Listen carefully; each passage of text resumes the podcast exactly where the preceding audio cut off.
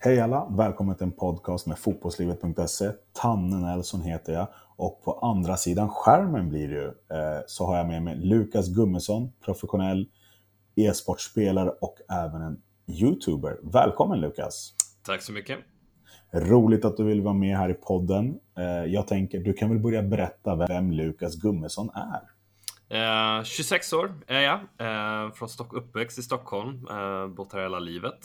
Jag är precis som du sa så är jag youtuber, Fifa-spelare skulle jag nästan säga att det är. Eh, fotbollstränare, egenföretagare. Eh, ja, det är väl det i, i större dragen liksom. Ja, du är lite allt i allo om man säger så då. Ja, men det, det, är rätt mycket och framförallt med. Jag driver ju eget bolag då inom e-sport på, si, eller på sidan. Det är väl mitt huvudyrke uh, och det inkluderar väl rätt mycket av det som uh, dyker upp så att säga. Så att det är väl mycket kopplat till fotbollen med, med AIK så där som jag antar att vi kommer in på lite senare.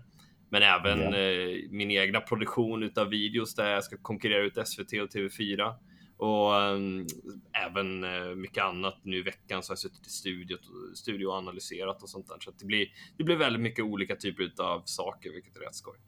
Mm, härligt. Eh, du nämner dig själv lite som Youtube och professionell Fifa-spelare, eh, e-sportspelare. Då, då. Eh, kan du berätta mer om just det? Hur, hur föll valet på de yrkena?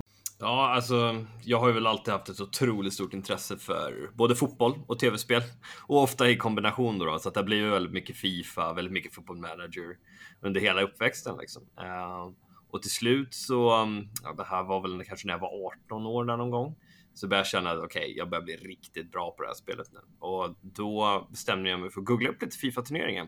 Så såg jag att det fanns ett SM i Fifa och då gick jag dit, och, eller jag anmälde mig och gick dit och så var det en så här kvalturnering för att ta sig in. Och så gick jag rätt långt i den där turneringen och till slut så tror jag att jag slutade trea i Sverige.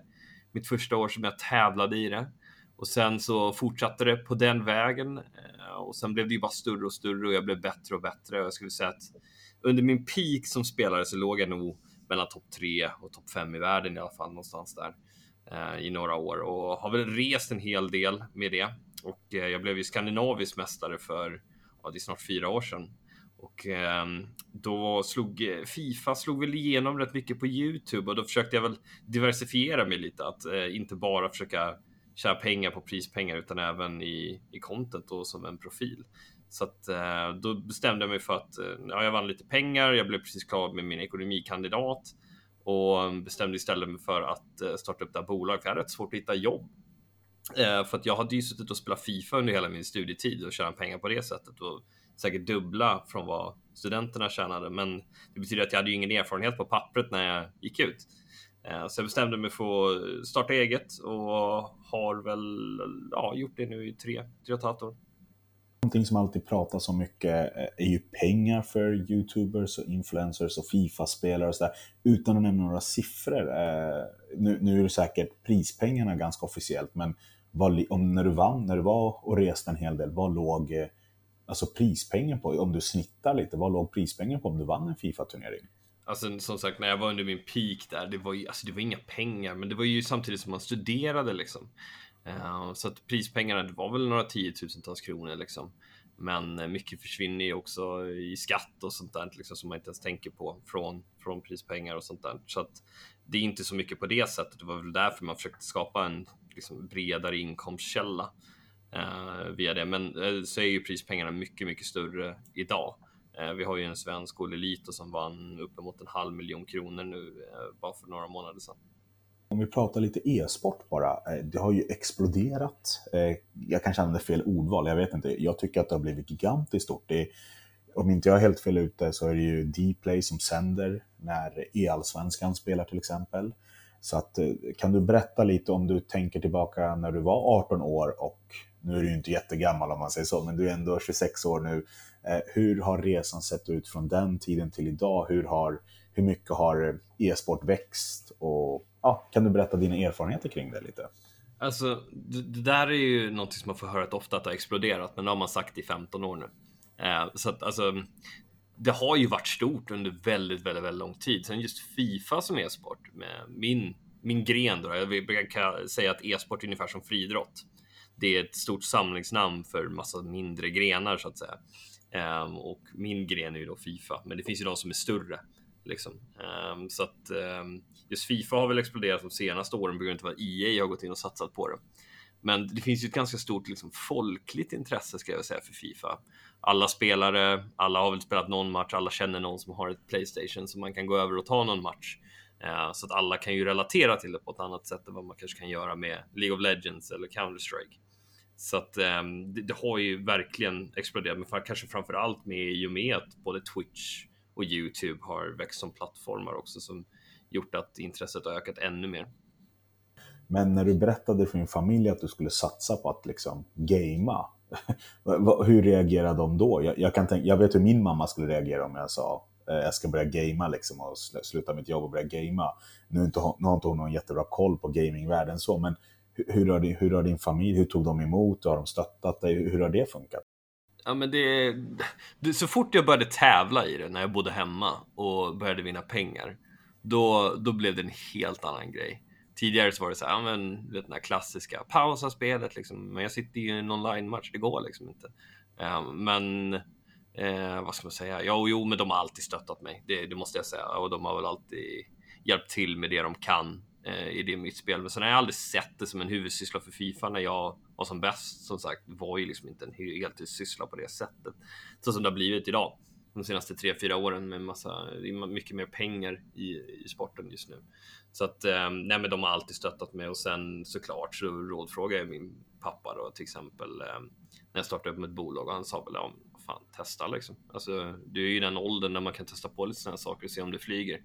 Eh, det finns ju liksom gott om tid att reparera upp det liksom härlig farsa måste jag ju säga. Eh, jag tror inte min egen farsa hade sagt så, men du, du verkar ha en väldigt förstående pappa och det ska du nog vara glad för. Eh, du nämnde ju lite olika plattformar tidigare. Vi pratar YouTube. Eh, om du, du, du, finns ju även på andra sociala medier. Eh, om jag inte är helt fel ute så finns du på Instagram, Twitter och så YouTubar du en hel del. Vad, hur jobbar du med de olika plattformarna? Vad skiljer sig från YouTube, Instagram och eh, Twitter då, när du använder dem? Ja, men Youtube är väl vad, vad jag skulle kalla för mitt kvalitetscontent. Det är där jag skapar mina egna program. Jag har egna olika typer av serier där jag gör ja, men content på Fifa. Så att, eh, till, det kan till exempel vara att man sitter och öppnar Pax eller att jag sitter och är lite rolig framför kameran medan jag spelar liksom, och liksom försöker underhålla de som vill titta på mig på Youtube.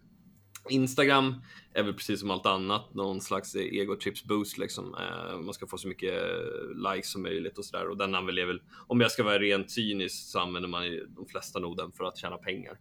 Tror jag i den här branschen. Eh, för att det är många så här, vad ska man säga, influencersbyrås och mediehus som gillar att satsa på just Instagram. Twitter tycker jag väl, det är väl min favoritplattform. Där, där är det rätt kul att hänga. Och sen är väl liksom till exempel TikTok nu som är ja, men det, det kommer ju slut både både Twitter och Instagram, eller det har väl redan gjort det nästan. Så att där måste jag förbättra mig lite och försöka hitta någon roll för mig själv lite kring eh, hur jag ska hantera den plattformen. Men just Youtube är väl eh, kanske min huvudsyssla. Att jobba med e-sport och vara youtuber, det är väl inget vanligt 8 till 17 jobb tänker jag, utan hur kan en hyfsad normal vanlig arbetsdag se ut för dig? Om du nu har en normal vanlig arbetsdag. Nej, det har jag verkligen inte. Uh, för att, jo, det, det har ju varit lite coronaanpassat nu också liksom. Um, men eftersom att jag har så många olika typer av uppdrag som har ofta liksom återkommande tider varje vecka och så ska man kombinera det här med fotbollstränandet som jag har. Uh, hur många, jag ska se hur många pass jag har i veckan. Jag kör väl ändå sex pass i veckan tror jag att jag kör. Så det är ändå en del tid man lägger ner på det. Um, så att ofta så går jag väl upp, ja men när jag känner mig utvilad, är väl svår, eller är kanske inte rätt att säga, men jag går väl upp runt 8-9 tiden där omkring så det är rätt bekvämt och sen så börjar jag väl jobba på min, eh, min video för dagen eller video för morgondagen om det är så. Eh, käkar lunch medan man redigerar den.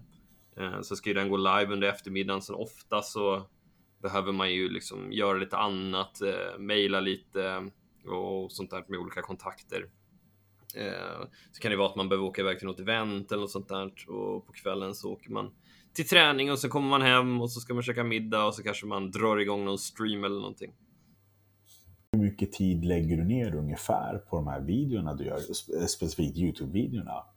alltså det är väldigt, väldigt annorlunda. Just idag, vi spelar in en torsdag så har jag lagt ner väldigt lite tid. Jag, jag kanske en timme totalt på videon för dagen.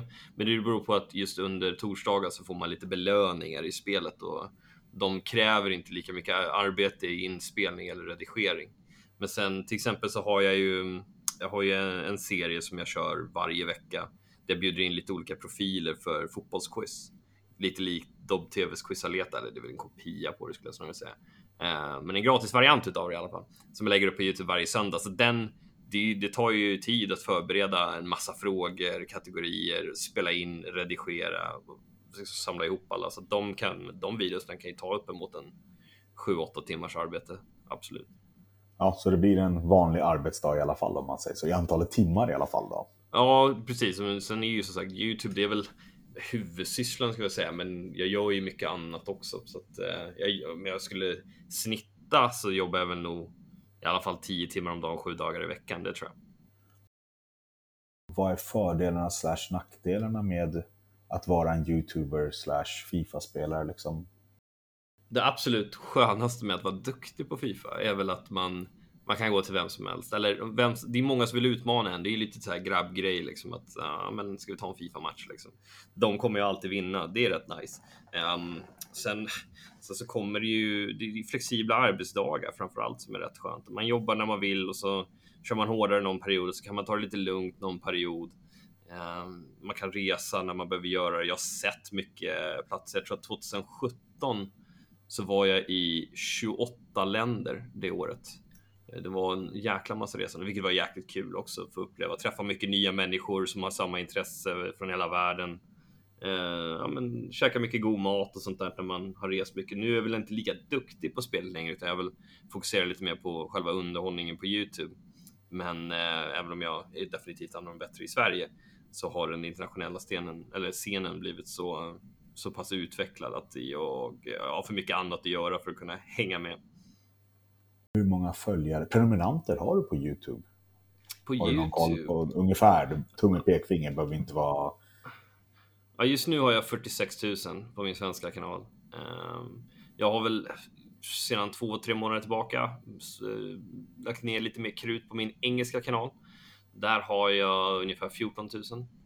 Ehm, sen på Instagram ligger jag väl på över 13 000 och sen ligger jag väl på dryga 8 000 på Twitter. Ja, men det är, det är svårt. Det är en väldigt nischad bransch, liksom, eh, just Fifa. Att uh, få ihop mycket följare. Men det är, att få ihop 46 000 prenumeranter, det är någonting jag är väldigt, väldigt stolt över. Ja, det låter ju som väldigt många om man säger så. så att, eh, speciellt som du säger när det är ett nischat inslag också. Så att det, det är inte helt fel, det skulle vi säga.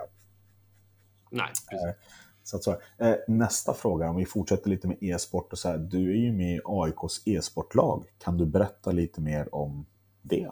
Hur, varför blev det AIK? Hur gick det till? Du var med och grundade den om jag inte är helt fel ute.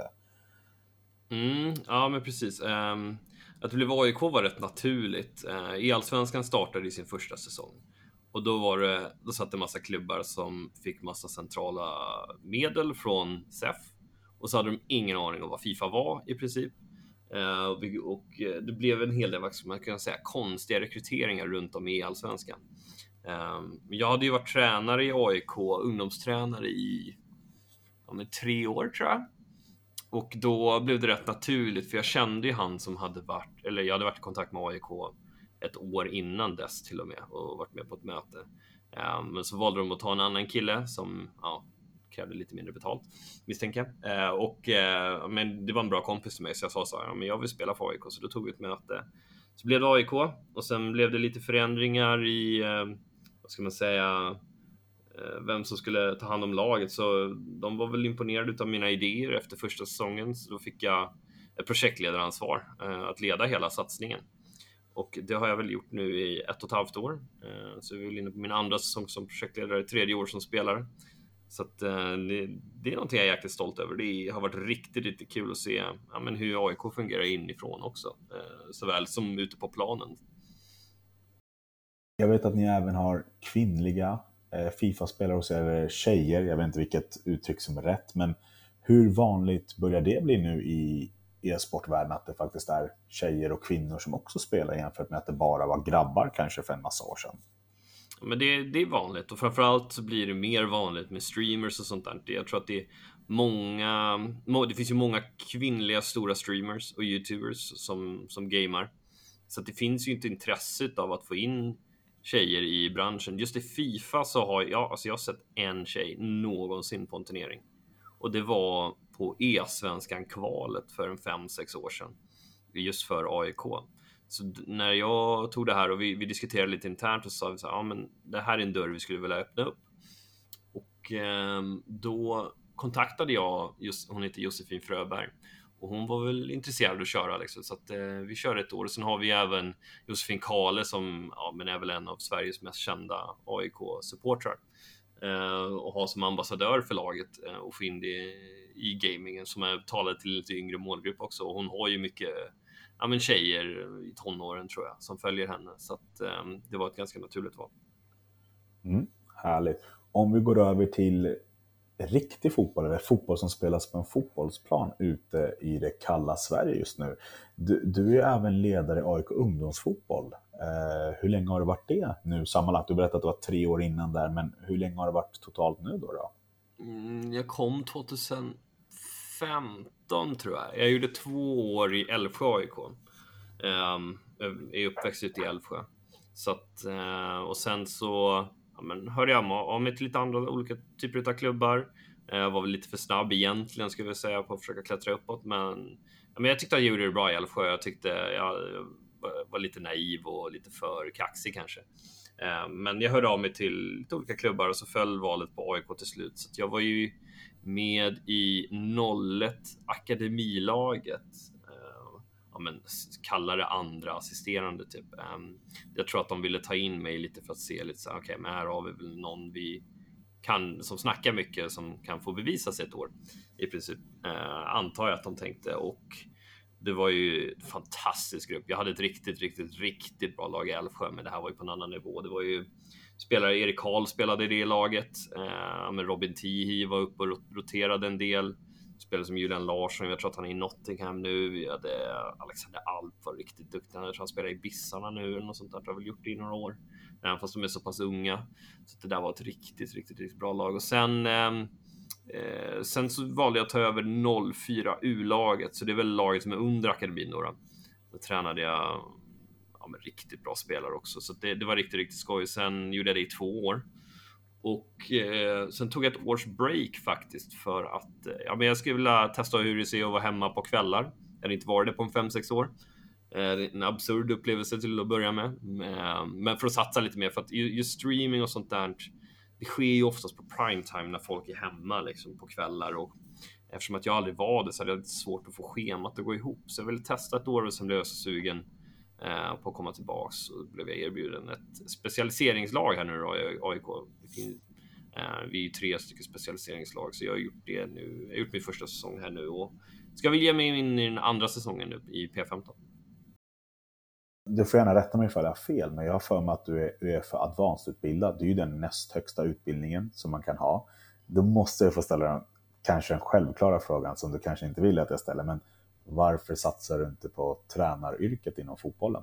Det är det, det, är det jag gör. Um, och alltså, jag har ju, när folk... Uh, alltså när jag var ung, då var ju Ronaldinho den som var liksom role model. Alltså det, eran Maradona kanske, eller för de som uh, växte upp med honom. Men Ronaldinho var ju störst, men jag var alltid den liksom, nästan på skolgården som ville coacha liksom. Och, eh, även om det såklart var kul att spela. Men jag såg alltid upp till Mourinho, växte upp med Mourinho, Chelsea hans Inter, hans Real Madrid och så vidare. Så det var väl det som tog mig in på tränarbanan. Jag tog väl ett beslut nästan när jag var 12-13 att jag skulle bli en elittränare. Liksom. Jag ville vinna Champions League. Och det är, väl, det är fortfarande mitt mål. Um, och det är det jag satsar på också. Sen är det väl svårt att, um, vad ska man säga, eh, jag upplever att det är ganska svårt att uh, utvecklas inom Sverige i tränarbanan. Jag, tyck, jag, tycker när jag har gått utbildningar att de varit uh, ja, men undermåliga. Eh, det var, det var riktigt dålig kvalitet på dem förr i tiden, när jag gick dem i alla fall. Och det här är bara några år sedan. Jag kommer ihåg att vi hade, vi hade en övning. Jag gick ju den där eh, kursen på GH i ett år med eh, fotbollstränarskap, eller tränarskap med inriktning på fotboll. Och då var det en övning från materialet där vi skulle lära oss hur vi instruerade tekniskt för motlägg. det var en, det var en helt absurd upplevelse. Så att, eh, man fick ut mycket från kurskamraterna, absolut. Men ehm, just eh, tränarutbildningen har varit undermålig och där är jag tacksam för i AIK. Jag har lärt mig mer på det här på ett halvår eh, sedan sen jag kom tillbaka nu i AIK efter min paus. Ehm, kring hur vi borde jobba med spelarna än eh, vad jag har gjort tidigare. Men mitt mål är ju att bli fotbollstränare på heltid, men det är ingen som har frågat mig ännu. Det kanske kommer, det vet man ju aldrig. Man vet aldrig. Vi får hoppas att det kommer ett erbjudande efter denna, ett, detta poddavsnitt då, då så det vore nog inte helt fel. Mm. En följdfråga. Eh, kan du ta med dig något från Fifa-spelandet ut till riktiga planen och vice versa? Som kan hjälpa dig i båda rollerna, eller ena rollen, vilket det nu än blir då. då. Nej, alltså det man måste förstå är att Fifa är ett tv-spel och tv-spel handlar om att hitta buggar, vad man kallar buggar och glitchar, alltså där eh, utvecklingen av spelet inte blev riktigt hundra. Eh, så det, är väldigt mycket, väldigt mycket finter i, eh, i Fifa i år till exempel, vilket inte är speciellt realistiskt där du drar liksom elastikos, alltså flip-flaps eller Ronaldinho-finten, kalla det vad du vill. Ehm, alltså två gånger i rad i princip med mm, allsvenska spelare. Det är det man ska göra liksom. Eh, så det är inte speciellt realistiskt på det sättet. Sen som tränare, alltså vad ska man säga, spelförståelse och sånt där skulle man, jag antar att man skulle kunna argumentera för det, men samtidigt så du får ju inte mer de andra bitarna i att du står på planen, du är trött, du ska göra någonting tekniskt. Så att spelförståelsen är ju kopplad till allt det där i ja, men din fysik eh, och din teknik, så att du får inte ut speciellt mycket av det heller tror jag.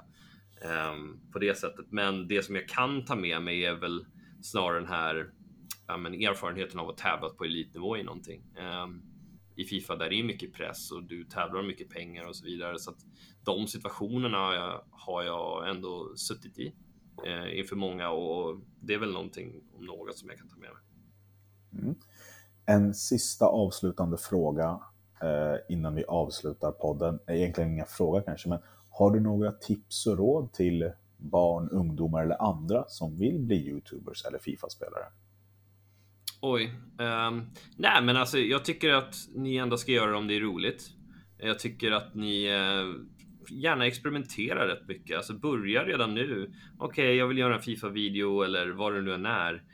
Um, alltså testa att göra någon video och se lite hur det går. Lägg upp den på Youtube. Du får 12 visningar, so what? Alltså det, alla har börjat någonstans. Alltså, börja så tidigt som möjligt, bara kör och det, det är aldrig för sent. Så jag började när jag var 23 liksom. Så att eh, det är definitivt aldrig för sent. Och sen när det gäller Fifa-spelandet, eh, alltså det är precis som i vanlig fotboll, du måste träna. Du måste träna, träna, träna, träna. Det, det finns, ingen, finns inga genvägar till, till toppen. Mm.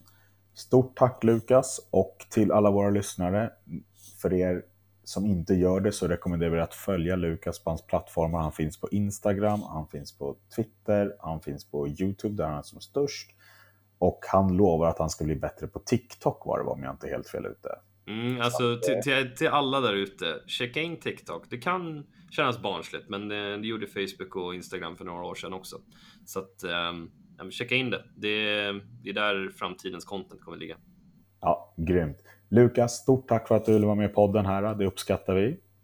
Tack själv. Det här är en podcast av fotbollslivet.se. Tack för att ni valt att lyssna på detta avsnitt. Vi vill påminna om att vi finns på Spotify eller i din poddspelare och ni hittar oss även på sociala medier.